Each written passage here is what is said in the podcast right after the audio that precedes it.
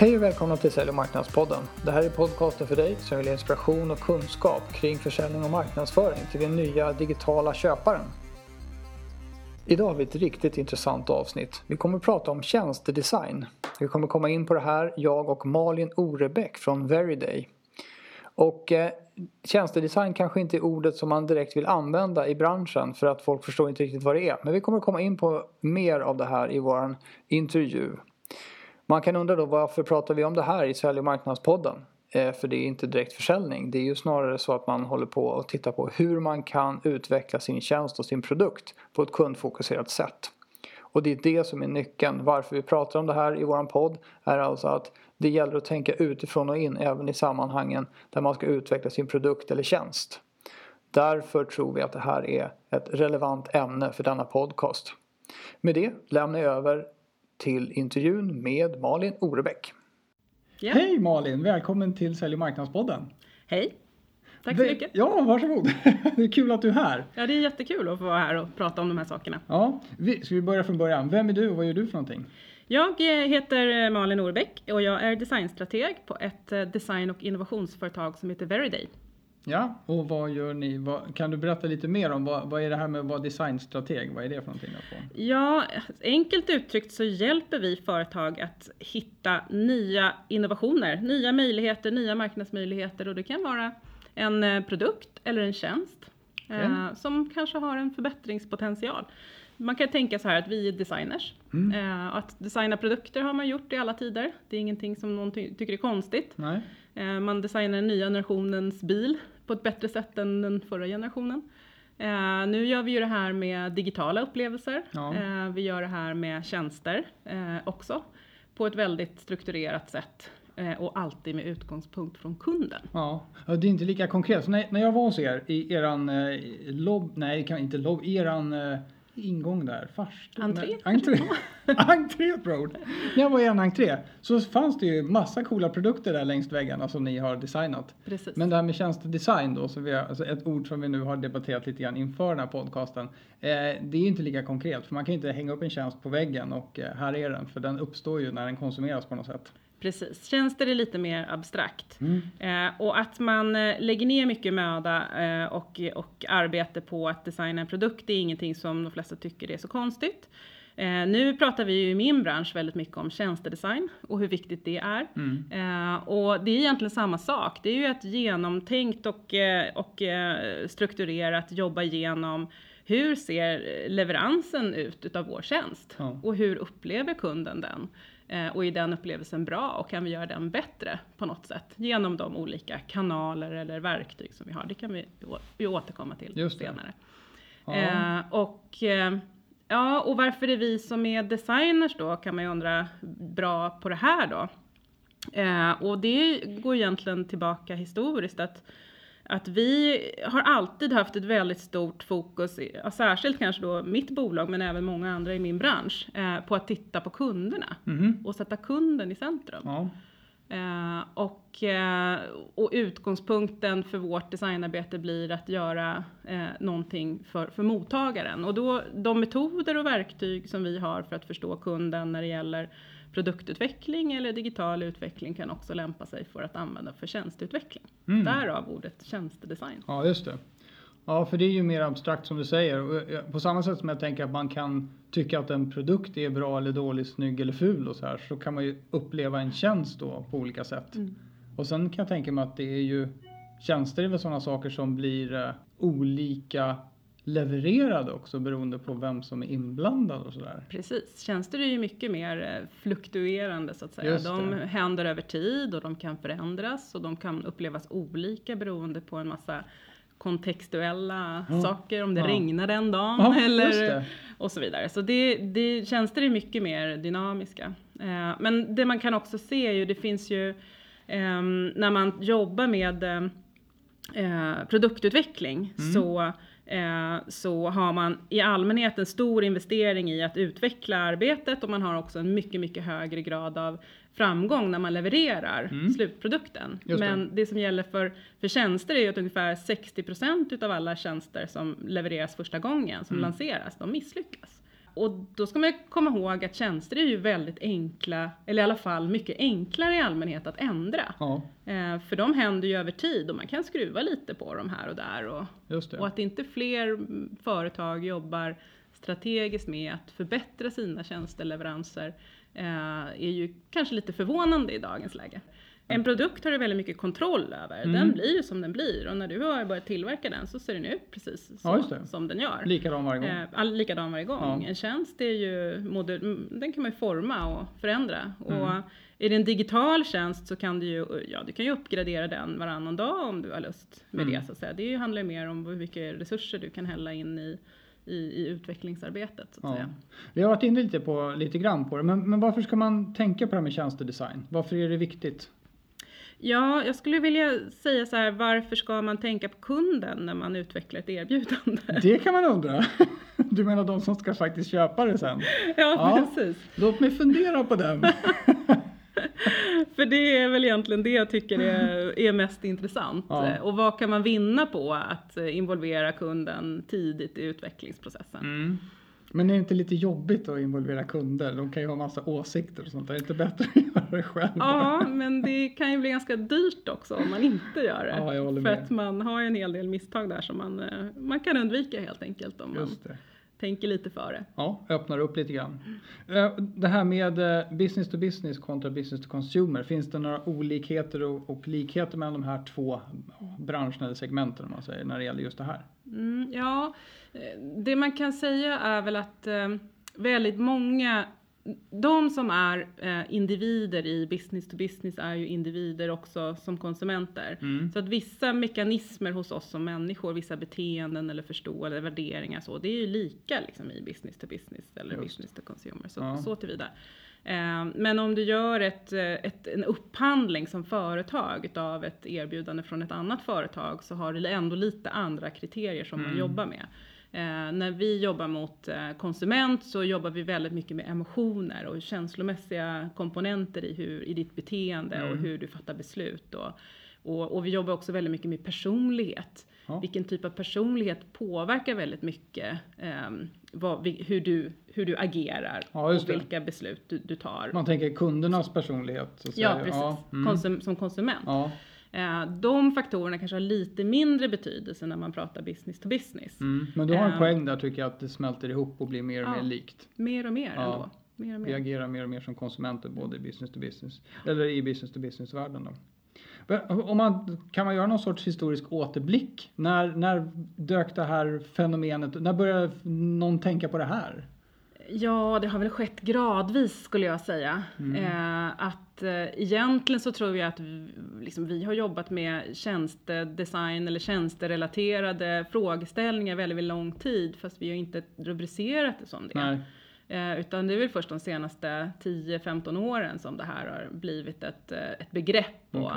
Nu finns det internationella konferenser och sådär Ja. och det finns en stor community som jobbar med de här frågeställningarna. Finns det utbildningar? eh, Eh, ja, det gör det. Ja, det det. gör det. Mm. Ja, men det är ett bevis på att det har sjunkit in. Inte så mycket i Sverige, i alla fall Nej. inte på högre universitetsnivå än så länge, vilket vi gärna skulle se att det, Ja. att det kommer. För att, men det, kom, det kommer komma. Och just tjänstedesign, jag tänker att vi, vi, har ju, vi kallar ju vårt samhälle nu, jag vet inte om det är ett informationssamhälle, men det är ju ett tjänstesamhälle i mycket högre grad än vad det någonsin har varit. Så att jag fattar ju att det, det måste vara oerhört viktigt att, att uh, tänka på den här aspekten av, av en, ens business då. Du, ska vi försöka konkretisera det här? Vad, vad, ett, har du något exempel? Någon kund ni har jobbat med som du kan nämna eller, eller, eller ett annat konkret exempel ur vardagen där, där någonting har designats? Ja, jag, jag kan nämna ett, ett jätteenkelt exempel. Mm. Eh, och eh, det, det här var ett väldigt, väldigt litet uppdrag men ändå ett väldigt eh, principiellt viktigt, Ja. viktigt och ett enkelt exempel när vi gjorde en, en, en applösning åt Avanza, Ja. Avanza Bank. Ja. Eh, där de kom till oss och bad oss hjälpa dem att ta fram den här eh, iPad-appen Mm. eh, för att man skulle kunna göra eh, transaktioner, alltså Eh, eh, ja. Ja, just aktietransaktioner. det. Köpa och sälja. Mm. köpa och sälja aktier. Ja. Nu är inte det här en business to business lösning i och för sig. Om Ja, jag minns rätt det- så är det här en konsumentlösning men Mm. frågeställningen är lika relevant. Mm. Eh, och det man gjorde där var att man, man hade tittat väldigt mycket på själva transaktionen och man ville att den här applikationen skulle hjälpa kunden att göra transaktionen på ett så bra sätt som möjligt. Ja. Eh, och det vi såg när vi gjorde vår, eh, vi pratade med kunderna, Ja. väldigt kort och enkelt. Ja. Så pratade vi med kunderna, eh, vad är det som är viktigt för kunden? Mm. Och då såg vi att transaktionen egentligen är ganska ointressant. Ja. Utan det som man gör är ju det, allt det som händer före. Inför ja, när man Ja, man bestämma sig. tittar och man väljer och man vill ha fakta och Mm. man browsar och man vill kanske ha en dashboard där man kan välja och lägga upp saker, information och fakta. Själva transaktionen i, i sig, den är ju nästan någonting som händer per automatik när Ja. man har bestämt sig. Ja. Eh, och då, det färgade väldigt mycket hur den här lösningen byggdes. Mm. Eh, och vad vill jag säga med det här då? Det är ju det att det är oerhört viktigt när man investerar i en ny lösning att man tänker utifrån och in. Ja. Och att man tar sig tid. Jag tror i det här fallet att Ja, det var kanske en handfull personer som man ringde runt till och pratade med. Ja. Ehm, var jag själv inte involverad i Mm. just det här projektet så jag lovar inte att det här är exakt korrekta siffror. Men, Mm. men det behöver inte vara så svårt. Man behöver inte ringa Eh, tusen och nej. göra en empirisk... eh, Och det är väldigt många som eh, det är väldigt många som tänker sig, ja men vi har ju data här och vi har ju en, en marknadsundersökning som Ja. säger och man letar efter rapporter och Just det. strunta i rapporterna Ja. säger jag. Mm. Eh, leta upp fem verkliga människor på stan Ja. som använder den här tjänsten och prata med dem i det. 20 minuter. Ja. Och jag lovar att ni kommer undvika dyra Mm. misstag genom de samtalen. Så det här- Behöver inte vara så svårt. Så det här var ju då ett, ett man hade kunnat misstagit och sagt att det här var ett IT-projekt från början och Ja. bygga en app. Ja. Men det är det naturligtvis inte. Nej, det, och- IT är ju ett verktyg i sammanhanget. Och det är ju den utgångspunkten som, som, som vi gärna vill slå ett slag för. Att titta på kundupplevelsen från Mm. början. Mm. Eh, följ med några kunder. Följ med dem en dag och se vad gör de för någonting. Mm. Och när möter de din tjänst? Mm. Och vad har de för huvudvärk? Och vad är det egentligen som är, som är viktigt för dem där och då? Och, och varför är det viktigt för dem? Mm. Inte bara vad som är viktigt utan varför. Vad Mm. finns det för bedömningsgrunder som de använder sig av när de fattar sina beslut? Just det. För då kan vi ju bygga någonting som är genuint nytt Ja. och genuint bättre. Och inte bara samma lösning som förut fast lite annorlunda. Mm. Eh, och det är där det blir ett underlag för innovation och inte bara ett underlag för uppgradering Ja, utav ett existerande erbjudande. Att man slipar lite grann på det man har. Vet du vi har varit inne lite grann på hur man gör, men jag tänkte vi skulle gå igenom det. För när vi pratades vid första gången, då sa jag att det finns fyra grundstenar. Ja, Hörnstenar. hörnstenar. Ja. ja. Berätta. Ja, precis. Ehm, jo, och eh, eh, det är några saker då som, som, eh, som vi Ja, som kan vara lätta sätt att göra det här på om man nu vill engagera sina kunder. Eh, det första är ju då att inte bara tänka inifrån och ut utan tänka också så här, vad är det som kommer hända sen? Så att vi ser till att säkerställa att vi har alla liksom, rätt personer med i rummet Mm. när vi ska börja och utveckla någonting. Eh, att vilka är det som kan ha en påverkan på det här sen? Eh, och det är också, säger jag också från här, min, mina 20 års erfarenhet i att jobba med liksom, produkt och tjänsteutveckling, Mm. att eh, allting här i världen blir inte implementerat. Nej. Det finns ju ganska många saker som trots allt, hur bra lösningen än är som man tycker, Mm. eh, så finns det ju många saker som hamnar i byrålådan Ja. i slutändan. Mm. Eh, av olika skäl. Eh, och det vi har funnit är att det bästa sättet att undvika det, det är att engagera nyckelpersoner ganska tidigt i processen. Ja.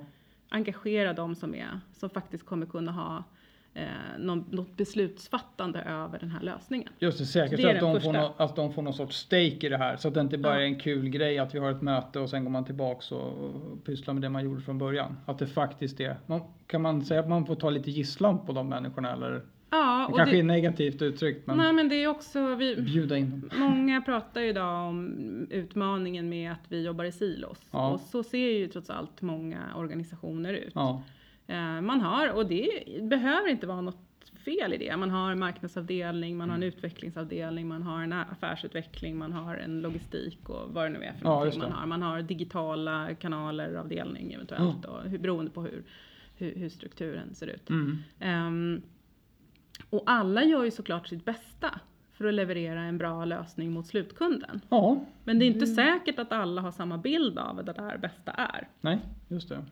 Så det brukar vi försöka göra, samla alla de här personerna i, i, i, i, i processen så att säga Mm. och, och i samma rum Ja, och enas om eh, vart vi vill, eh, vad vi vill med det här. just det. Eh, så det är en sak. Så, eh, så hörnsten nummer ett kan man säga, engagera rätt eh, nyckelpersoner i Ja. företaget tidigt i processen. För det här kommer man också tjäna på i slutändan när man ska implementera lösningen. Ja. För då har de också ett delägarskap i lösningen från början. Ehm, Har du någon, har du någon, ehm, någon känsla för vilka är de här rätta personerna? Vad är det? Det, det naturligtvis kan bero på vilket jobb de har, men kan, finns det några andra saker man ska tänka på? Ja, det beror, det beror ju så på då. Men om man pratar om, eh, eh, ja, ta en, en retailer till exempel. Ja. Eh, så, så, ehm, så handlar det om att du behöver ha någon som är ansvarig för butik. Du behöver ha någon som är ansvarig för marknadsföring. Du behöver ha någon som är ansvarig för digitala kanaler. Du Ja. behöver ha någon som äger själva erbjudandet, som driver själva processen. Just det. Eh, ja, och så vidare. Ja, du de behöver, naturliga, jag, jag Mm. fattar. Det, det låter inte som att det är jättesvårt att komma på vilka de där är. Nej. Man sätter sig ner och tänker ett Nej, litet ögonblick på det. varje organisation har sina Ja. nyckelpersoner. Så. Mm. Ehm, Men det har jag också lärt mig att det kan ju väldigt ofta vara så att sitter man för länge eh, och liksom innoverar och klurar på sin idé och utvecklar den och sen så tycker man så här, men nu är den färdig. Ja. Och så ska man försöka sälja in den sen ja, det. till alla andra. Ja. Då kan man ha en ganska jobbig resa och då kan man stöta på en massa saker och en massa frågeställningar som man hade kunnat hantera mycket tidigare. Om man inte sitter och liksom håller på idén. va, Utan man, man tar in folk tidigt. De behöver inte lägga jättemycket tid. Mm. Men de ska vara engagerade och, och få en möjlighet att också göra sin röst hörd. Ja. För då känner de att ja, här är någon som har lyssnat på mig och de har tagit min kunskap till sig och byggt någonting som är, som är bra. Just det. Eh, så det, det, det är viktigare än man kan tro. Ja. Mm. Eh, så nummer två då, såklart, då, är ju att prata med kunderna. Ja, Ja. det är bra. Och det eh, är ju förvånande nog fortfarande oerhört många företag som inte gör det i den utsträckning som man borde göra. Och kanske ännu mer i business to business. Mm. Eh, för ofta är det så här också att man har i business to business så är det ju, ja men slutanvändaren, det är ju vår kunds kund. Ja. Eh, och, och då kanske man inte tycker så, men det är väl inte så naturligt att jag behöver prata med den kunden. Men de, det är ju våran återförsäljares grej. Precis, Ja. precis. Så det, det kanske är så att man måste lista upp hela värdekedjan och Ja. titta så här, här har vi vi, här Mm. oss, här har vi vår kund, här Mm. har vi kundens distributör, här, Ja. här har vi distributörens samarbetskanaler och sen har vi slutkunden där Mm, borta. Just. Då kanske man måste titta på alla de här och se, det kanske finns behov eller ja, gap här emellan som där vi skulle kunna leverera någonting, ett nytt värde. Ja. Det är ju ett sätt att hitta nya platser att eh, skapa innovation. helt Ja, verkligen. Det, det låter som att, att ta en titt på sin, sin värdekedja Mm. och, och eh, synliggöra den. Det måste ju vara oerhörda potentialer i det där. Precis. Så jag kan tänka mig att man låser in sig i massa gamla kontrakt och roller. Om det är svårt att ha, alltså om man har silos inom sitt eget företag kan man ju bara tänka sig hur det är mellan företag såklart. Precis.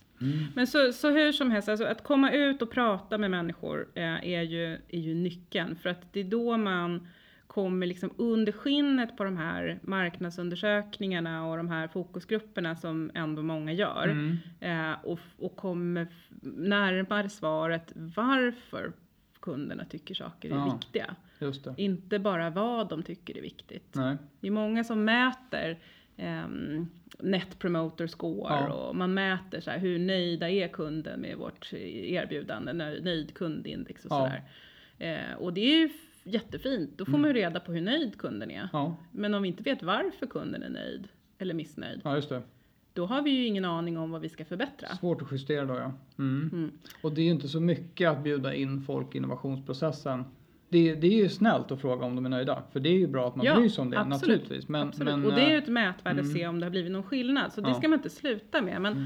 men man måste komplettera det med mer kvalitativa eh, dialoger med kunden. Ja. Där man kan få reda på mer nyanser i vad det är som faktiskt är viktigt. Ja. För det är då man också kan skapa nya lösningar som inte finns idag. För att man hittar ett behov som kanske vi inte faktiskt ens har, har levererat en lösning på. Just det.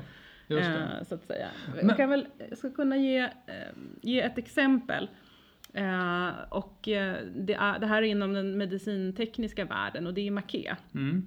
eh, som tillverkar ventilatorer. Ja. Eh, och målgruppen för de här ventilatorerna är ju sjukhusen då Mm. och läkarna och du har ju en ganska lång rad olika typer av användare här. Du har, Mm.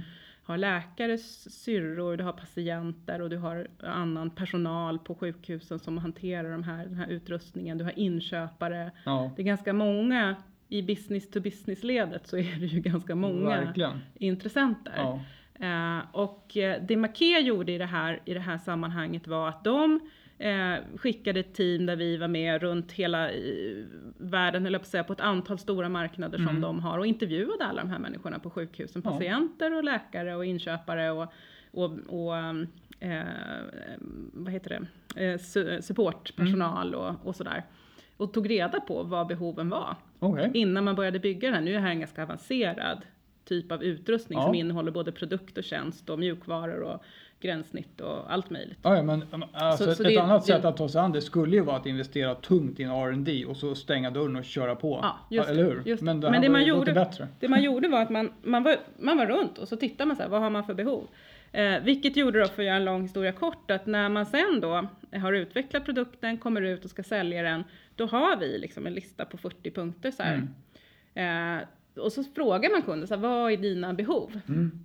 När man kommer där i säljögonblicket, när säljaren sitter där med sin, med sin produkt och ska sälja den, eh, fråga kunden vad behöver du för någonting? Och så, så när de svarar så kan vi checka av Kryssa på av våra dem. 40 punkter. Ja. Och då har vi faktiskt, vi vet allt det där. Ja. Och vi har byggt lösningar för att svara på alla de här behoven för vi visste om dem i förväg. Ja. Och då kan vi ju också hälla våra investeringspengar på rätt saker. Så, Just det. Får jag så fråga? det är ju det värdet man kan få, man kan vara lite smartare i förväg. Ja, hur förändligt är? Jag vet att det är en svår fråga, men jag tänker hur ofta måste man göra det här då? Alltså hur, hur ofta kan man, måste, bör man göra det här? Hur ofta ändras folks preferenser och vad det nu kan vara för någonting? Ja, och det, ja, det där, alltså, folks beteenden eh, och personlighet, de ändras inte så himla ofta Mm. Nej, faktiskt. det är stabilt. För det är rätt stabilt. Personlighet är ju någonting som vi faktiskt föds med, Ja. mer eller mindre. Och den har man liksom kvar vare sig man, gott man vill eller inte. Ehm, så det ändras inte sådär jättesnabbt. Eh, teknik kan ju ändras Ja, ganska snabbt däremot. Så att vi kan göra andra saker men våra grundläggande behov ändras inte lika snabbt. nej, och man kan väl tänka, det är väl de tekniker också som bejakar de här Mm. grundläggande behoven som blir riktigt framgångsrika. Ja, ja. Det är väl så. Men så, så man behöver ju inte heller sätta, skicka ett stort team runt hela världen heller. Nej. Utan man kan göra så enkelt som eh, ha en låda med lego med sig och eh, sätta sig tillsammans i ett rum med, med, med lite kunder och säga Ja. så här, men om vi ska bygga någonting som du skulle vilja använda i framtiden, så här, Mm. hur skulle du vilja bygga det då? Mm. Och sen är det egentligen så att i det där sammanhanget då, då bygger vi någonting tillsammans Ja. som de tycker är meningsfullt och som de tycker är viktigt. Mm. Eh, och det är inte säkert att de då bygger lösningen som du ska bygga. Nej. Men om du lyssnar på vad de pratar om och hur de resonerar kring det de bygger, Ja. då kommer du få nycklarna till vad den här personen faktiskt värdesätter och skulle vilja behöva se i en lösning framöver. Sen är det ditt jobb att paketera det på ett bra sätt och utveckla det så att det blir en gångbar produkt så att säga. Okej. Någonting jag tänker på det är så här, nej men vi kan inte fråga kunden, alltså vi ska ju veta det där. Det är ju Mm. skämsigt att fråga dem, det, då, då brister vi Ja. i förtroende. Eller hur, hur ser du på det? Ja, alltså den allra vanligaste kritiken man får är ju att ja, men vi kan inte fråga kunderna om vad de vill ha för det är ju gårdagens nyhet. Liksom. Jaha, de ja, kommer ju det, inte, det där med Henry det här med Ford Ford och ja, hästen och just sådär. det. Eh, och, eh, och nej, det är helt korrekt. Mm. Man kan ju inte be, be kunderna tala om vad du ska utveckla i nästa generation. Nej. Det är ju fel sak att fråga om. Ja. Däremot så kan vi fråga dem om vad de har för behov, Mm. vad de har för drömmar, vad de har för aspirationer, vad Mm. de vill kunna åstadkomma, Mm. vad de är frustrerade över, eh, vad som gör dem glada, Ja. eh, vad de tycker är viktigt, vad de tycker är helt ointressant. Då får ju du en massa saker som du sen kan göra någonting med i, Ja, för i sen- din roll som utvecklare. Ja, just det. just det. Och ta det där till min, på något sätt, min låda och försöka Mm. göra något bra av det där ja. Precis. Mm, bra. Precis. Ja, för annars så, annars så är det väl så att man chansar ju utifrån kanske sina egna preferenser bara. Och det kan ju vara rätt Mm. eller fel jag säga. Men, Ja. men, och sen Men- så kan det väl gå helt överstyr med företag som slutar fokusera på kund. För de flesta bolag är väl kundfokuserade i början. Men vart efter så är det kanske huvudkontorets agenda som är grejen. Precis. Och det är ju en utmaning för särskilt många digitala bolag som var väldigt agila i början Ja. och liksom kommer från en startup-kultur och man, liksom, man har det här drivet och så, så växer man jättefort och sen plötsligt blir man lite koloss. Ja, Och till slut så en vacker dag så inser man att men oj, vi är inte så där innovativa längre som vi var. Eh, och hur behåller man örat mot rälsen? Ja, liksom? just det. Och, och faktiskt och, och förmågan att sen flytta på sig när tåget kommer. För det är Ja. de som fortsätter att lyssna men man är som sagt en koloss. Mm.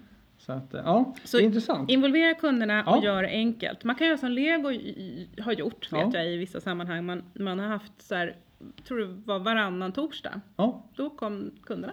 Ja. Så då hade man så här stående konferensrum där det kom liksom användare Mm. till konferensrummet. Och då gällde det att du hade någon kul ny idé att testa på dem när de kom. Just det. Så att man gör det som en liksom, man bygger in det i, Ja, lite press på sig i, själv i metoden också. och ja. sätter press på sig själv. Och då betyder det också att då testar vi ju grejer som inte är så himla färdigt. Ja. Så vi sitter inte och håller på idéerna så himla länge innan vi liksom trycktestar dem med någon. ja, just det. Och de som kommer dit är naturligtvis förstår jag att de är med i det här. Ja, de, processen. då kanske de har skrivit på ett sekretessavtal Ja. och sådär. Det kan ju vara praktiskt. Just det. Eh, och Men så. de blir inte missnöjda för att någonting är lite Nej. ofärdigt. Det är kan ju de ge dig Det lite blir man ju känna sig lite Input så att din idé blir ännu bättre. Ja, Mm. och själv ska jag nog känna att vad kul om jag gillar lego och är med och då får Ja, jag då vara får med jag och vara hjälpa med. till. Precis. Man bygger en community där också. Absolut. Mm. Så, så, att, eh, ja. så det där är, det är hörnsten nummer två. Ja, Eh, sen kommer vi till den här då som är väldigt, eh, väldigt eh, kopplat till det här och det är ju att faktiskt testa saker ja, och göra det ganska snabbt. Att jobba med prototyper. Mm. Eh, och, och det går ju faktiskt att prototypa en tjänst också. Ja det Eh, gör det ja. ja. Det behöver inte vara så himla eh, jättekomplicerat. Nej. Ehm, man kan, eh, man kan göra ett rollspel, man kan liksom låta, låta någon, någon spela kund och någon spela leverantör och någon annan kan spela datorn och Mm. den tredje kan springa med, med någonting annat. Alltså det går verkligen så att visualisera Ja. ett flöde eh, med bara människor Ja, eh, och, okej. och lära sig någonting på Ja, den ja. processen. Eh, man kan också, eh, om det är en digital eh, lösning, så kan man ju prototypa den på papper med hjälp av små post-its som man flyttar Mm. runt. Mm. Man måste inte koda i flera veckor innan man, innan man har någonting som man faktiskt kan testa på för att lära sig Nej, någonting okej. Ja, just det. Eh, så det är väldigt viktigt. Ja, Eh, och göra det, och göra det tidigt. För hellre ut med det, testa det och sen, ja men då har du lärt dig någonting så går du hem och bygger det lite annorlunda Ja. och så testar du det igen.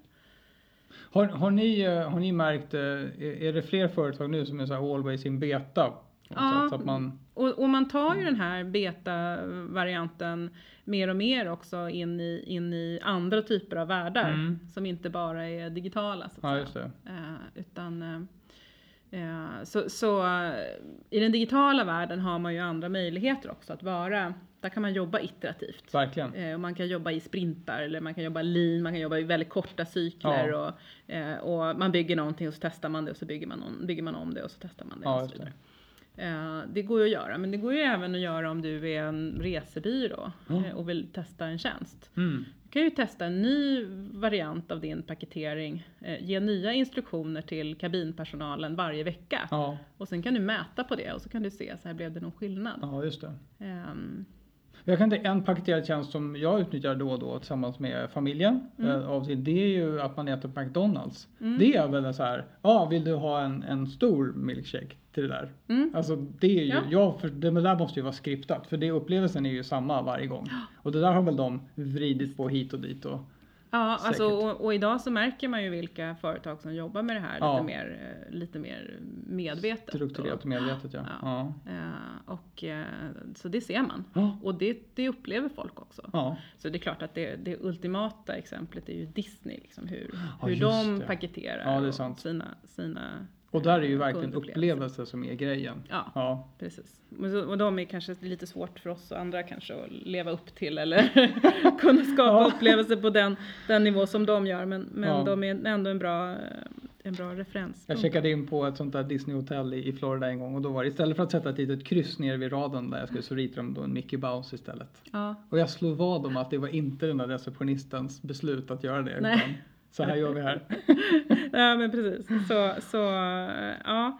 Eh, det var trean. Ja, det var trean. Prototypa så att du Ja. lär, håll inte på och stäng in dig i någon sorts Nej. garderob någonstans och sen komma ut och säga tada utan Nej, gör utan lite i taget. Gör Testa. lite i taget. Mm. Och prototypa gärna tillsammans med kunderna Ja, också. För det. det är jätteintressant Ja. och lärorikt. Mm. Eh, Men då måste man ha med sig att man, man är inte där för att bygga slutlösningen. Man är där för att bygga någonting tillsammans och ha en intressant dialog. Ja, Det är därför man är där. just det. Och, och det är dialogen i sig som s- i efterhand sen är intressant att analysera eller Ja, så? det är ju där man får svaren kring Ja. vad som är viktigt och vad som inte är viktigt. Och, Mm. eh, var den här funktionen så bra som vi trodde? Ja. Behövde man ha den? Och klickade folk verkligen på den här Ja, knappen? Mm. Eh, sådär, om, jag, om jag satte dit den här knappen, den här funktionen, var det Mm. någonting som man var intresserad av Mm. eller inte? Ehm, Ja. Mm, så det är en sak. Eh, och ytterligare, den fjärde då, eh, hör- hörnstenen eller vad man ska kunna säga, det är ju att faktiskt visualisera saker. ja. Eh, och det är ju så här att i, i, i, i dagens läge så för att man ska komma snabbt framåt i en process där man involverar många olika människor så är det jätteviktigt att man har en gemensam bild av vad det är man håller på med. Mm. Eh, och och då, då kan det vara ganska svårt att du har en bild som du tror så här, det här är min bild av vad det är vi ska ja. åstadkomma. Och det är säkert samma som alla andra här. Självklart, Ja, ja, det självklart. måste det ju vara. Och Det är ju- jag har en bild och vi kommer till och med tro att våra bilder är likadana. Ja, just det. Såklart. Ja, för vi har ju varit lite överens eh, initialt här. precis, så precis. det är klart det. Men när det kommer till kritan så kan det ofta visa sig att man ändå har faktiskt förstått den här idén eller den här tanken eller den här processen Ja. ganska olika. Ja. Så det vi har sett att ett sätt att jobba på det här, med det här det är ju att skapa någon slags scenario Mm. om hur den här tänkta framtiden ska se ut. Mm. Så väldigt enkelt berätta historien. Så Mm. det är ju storytelling pratar man ju om Ja. inom marknadsföring, Ja, men just det. gäller ju även här. Ja. Att förklara i en berättelse eh, hur den här upplevelsen kommer bli Mm, framöver mm. och försöka tydliggöra den och gärna visualisera med hjälp av bilder att först så, ja, så här tänker vi oss att det här Ja. ska se ut och fungera. Mm. För det ger en helt annan typ av möjlighet till förståelse inom den här gruppen som ska jobba med att utveckla någonting. Jag kan tänka mig att det kommer många aha-upplevelser där. Jaha, du tänkte så. Ja. Mm. Ja. Mm. Och också till en själv, för det är också så här, ja men vänta nu. Om den här situationen kommer bli så här, Ja. då kommer vi få problem med den här Ja. grejen. Att man, det ger ett ytterligare dimension till hur slutupplevelsen faktiskt kommer bli. Just det, man hjälper sig själv att tänka vidare tack Ja. vare att man tvingar sig själv att visualisera. Ja. Ja. för det kan jag tänka man Annars hoppar man över lite grejer. Ja, sådär. och det är lite saker som på något sätt blir så här, ja men, eh, ja det där löser vi. Ja, Sen. exakt. Någon gång. Det löser vi sen. Ja. Ja. Eller det kan, de på, det kan de på logistiken lösa sen. Mm. Det blir bra.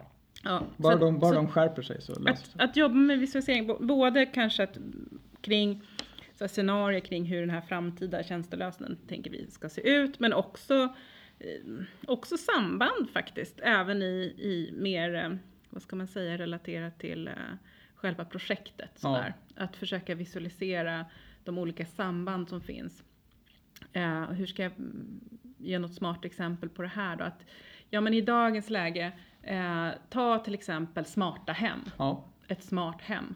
Ehm, hur många olika aktörer tänker du dig skulle kunna spela en roll i ditt smarta hem? Mm, Ja, det är ganska många olika bolag här runt omkring som levererar olika tjänster in i det här. verkligen. Eh, och det är många som vill liksom ha en, en liten del av den Lite där, där, kakan. Ja. Mm. Eh, och genom att visualisera hur det här nätverket ser ut då, vilka aktörer som finns, hur de hänger ihop, vilka olika kategorier av aktörer finns det Mm. och hur ser det här värdenätverket ut? Just. Så kan vi förstå vår plats i nätverket och vad vi kan leverera och hur kan vi göra den här. Så att även om man säger i de här mer affärsmässiga eh, kartläggningarna i Ja. den delen utav utvecklingsprocessen så kan det vara väldigt värdefullt att jobba väldigt visuellt. Just det. Och det låter Bygga ju de här som... sakerna. Man, man ser flöden på ett Ja. helt annat sätt än om man, gör, om man beskriver det här i text eller skriver det i en Excel eller Just det. För det, det är generellt sett kan man väl säga att det är, an, är antagligen lite mer komplicerat än man först bara tänkte på. Ja, och Att det det kan ge också helt andra, eh, man kan se helt andra Ja, saker. just det. Så det kan man säga, ett Ja. innovationsverktyg. Just det. Mm, för att hålla oss på banan så här. Ja. Vad bra, då har vi gått igenom de här fyra eh, hörnstenarna. Eh, och det är ju jättebra att hålla sig till det här. Jag, jag förstår, det är fantastiskt mycket bra, bra tips då. då. Då kommer jag så här, men vad är största fallgroparna man ska göra? Och, och om det finns det några andra än naturligtvis att strunta i någon av de fyra hörnstenarna? Ja, ja, alltså det går säkert att göra det här på många sätt. Mm. Eh, självklart. Ehm, Du kan inte komma på några så här? Nej. Nej, Nej men det, det, jag, jag tror att det finns i, inom ramen för alla de här fyra olika hörnstenarna och det man gör under ett projekt naturligtvis så finns det väl säkert en rad fallgropar. Jag kan tänka mig att, att eh, det, är ju, det känns som att det är ganska lekfullt det här. ja, och det tror jag det ska vara. Ja, Mm. och det är inte riktigt, om jag tänker så här business, Nej. shit jag gick ju på Harvard liksom. Här håller vi inte på och leker. Här har vi KPI för saker och ting. Ja, precis. Mm, och det där, det där är lite intressant. Det är, det är sådana frågeställningar som intresserar mig väldigt mycket just nu. Ja, Eh, det är hur ska man räkna på värdet av en idé och när ska man göra det? oj, ja. Ja. oj, oj, oj. Ja, just det. Så här, där, där är jag nu. Ja. Eh, men, men eh, därför att det är ju så här att om man jobbar med eh, ett, ja, man jobbar med innovation, man jobbar med förnyelse, så, så har man en massa olika idéer om vad man skulle kunna göra framåt. Man har sina koncept eller vad det nu, än- nu, nu är. Mm. Man har sagt fem olika idéer. Mm. Så, och vi, ska, vi har budget så vi kan kanske genomföra en av de Ja. här fem då. Eh, och eh, hur, hur ska vi välja då? Eh, och och då, då är det ju viktigt att man har en, ett hum om vad varje idé representerar för värde. Mm. Det vill säga, vad kan vi, kan vi tjäna pengar på den här idén och Ja. hur tjänar vi pengar på den? Eller har den ett annat format värde? Har den ett goodwill-värde? Eller har den en annan, en annan typ av internt värde? Eller Mm. kulturbyggande värde? Ja. Eller vad det nu kan tänkas vara. Hur, hur värdesätter vi de här olika idéerna och hur ställer vi dem mot varandra? Eh, och då eh, är det väldigt, det där vet jag är Mm. en jättestor utmaning för många företag i innovationsprocessen att kunna eh, värdera det här på ett bra sätt och tillräckligt enkelt sätt eh, och inte spendera för mycket tid på det i fel ändar Ja, processen. just. För att börjar man räkna på saker för tidigt så kanske man dödar en jättebra idé för att den inte hade fått utvecklas Just tillräckligt då långt. var den i dålig form och då... Precis. Ja. Mm. Eh, och räknar man på det för sent, då Ja. kanske man har liksom sprungit alldeles för långt med någonting som faktiskt egentligen inte någon vill betala för. Herregud, vilket dilemma. Så att det där, ja, och där, så där jobbar vi med modeller för att se hur kan vi hitta en slags, eh, ja, hur kan vi även prototypa business att Ja, okej. På olika, på olika, i olika faser av processen. Det låter oerhört intressant. Ja. Jag kan tänka mig att jämföra de här grejerna när de kan bidra på olika sätt dessutom. Kon- Vi har return on investment rent utvecklingsprodukt, marginal på den här produkten Mm. eller den här produktlinan, kategorin kontra goodwill Precis. till exempel och varumärke. Ja det är ju och Det är ju alltid en väldigt och, svår, Ja. en väldigt svår ja det blir, den blir bala, balans. Vet du, jag tänkte vi skulle försöka runda av det här och samla ihop det lite grann. Då. Om man nu skulle vilja göra någonting i den här riktningen som, som företagare, som sån här, en av de här stakeholders som finns på, på alla företag där ute. Va, vad är det, vilken, vilken tråd ska man börja nysta i? Vad ska man ta tag i för någonting? Eh, ja, alltså det, det första är ju så här att börja, börja tänka så här, hur kan jag på ett enkelt sätt eh, mer, börja mer lyssna på mina kunder? Bjuda in dem eller, Ja. eller till börja med åtminstone Vad är, lyssna? vad är det enklaste sättet för mig att åtminstone börja göra det här? Ja. Så att man kommer igång någonstans Mm. eh, och börjar med någonting. Eh, och eh, Och lyssna på kunderna bara för att säga det är inte enbart den här pelaren med fyra knappar när man går ut i butiken att jag är glad eller arg. Utan nej, och då, men, då menar jag verkligen försöka förstå frågan varför. Ja, just det. Och inte bara vad. Mm. Om man nu går Ja, tillbaka till det ja, vi sa tidigare. Ehm, att, eh, att faktiskt förstå någonting mer om, om eh, ja alltså det, det vi, vi träffar jättemycket kunder Ja. och det är jättetypiskt så här, så säger vi så här, ja men vad vet ni egentligen om era, om era kunder? Mm. Och då säger man, men vi vet jättemycket om dem. Ja. Vi har gjort massa marknadsundersökningar, vi har Ja. gjort massa fokusgrupper och vi har folk som, våra, hela våra säljkår vet jättemycket om våra kunder. Ja men jättebra, så här, men låt oss titta då på allt material ni har Mm. Ja. som ni vet om era kunder. Ja. Och det vanliga är ju då att man kanske hittar en lite så här initiativ man har gjort internt där man faktiskt har gått ut och satt sig ner med kunderna och pratat med Ja, dem på det. riktigt. Ja. Det mesta är siffror Mm. eh, och, de, och den informationen man kan få ut av siffror är väldigt ofta ganska ytlig. Och den blir väldigt precis ju. Om man Ja. tänker på vad man egentligen har frågat Ja. om och vad de egentligen har svarat på. Så är det liksom, det är det. Ja. Inget annat. Nej, och, och, och om man nu tänker hur marknadsföringar, marknadsundersökningar går till. Ja. Så, så jag blev själv uppringd av Ipsos häromdagen. Ja. Eh, och då frågade de så här, eh, känner du till e-cigaretter? Jaha. Ja. Så här, har du använt e-cigaretter? Nej. Och du vet, alltså Mm. det, det är den typen av, ja då får de reda på det. Så här. Ja, de får det. reda på att jag kände till det, ja. Ja. Och jag har inte använt den, nej. Nej. Men de har ingen aning om varför. Nej. Och de har ingen aning om jag skulle vara intresserad av det. Nej. De vet bara de här siffrorna. Och, och det kan vara väldigt bra för vissa syften. Ja. Eh, men jag då, som utvecklare som ska försöka skapa en ny och bättre lösning. Mm.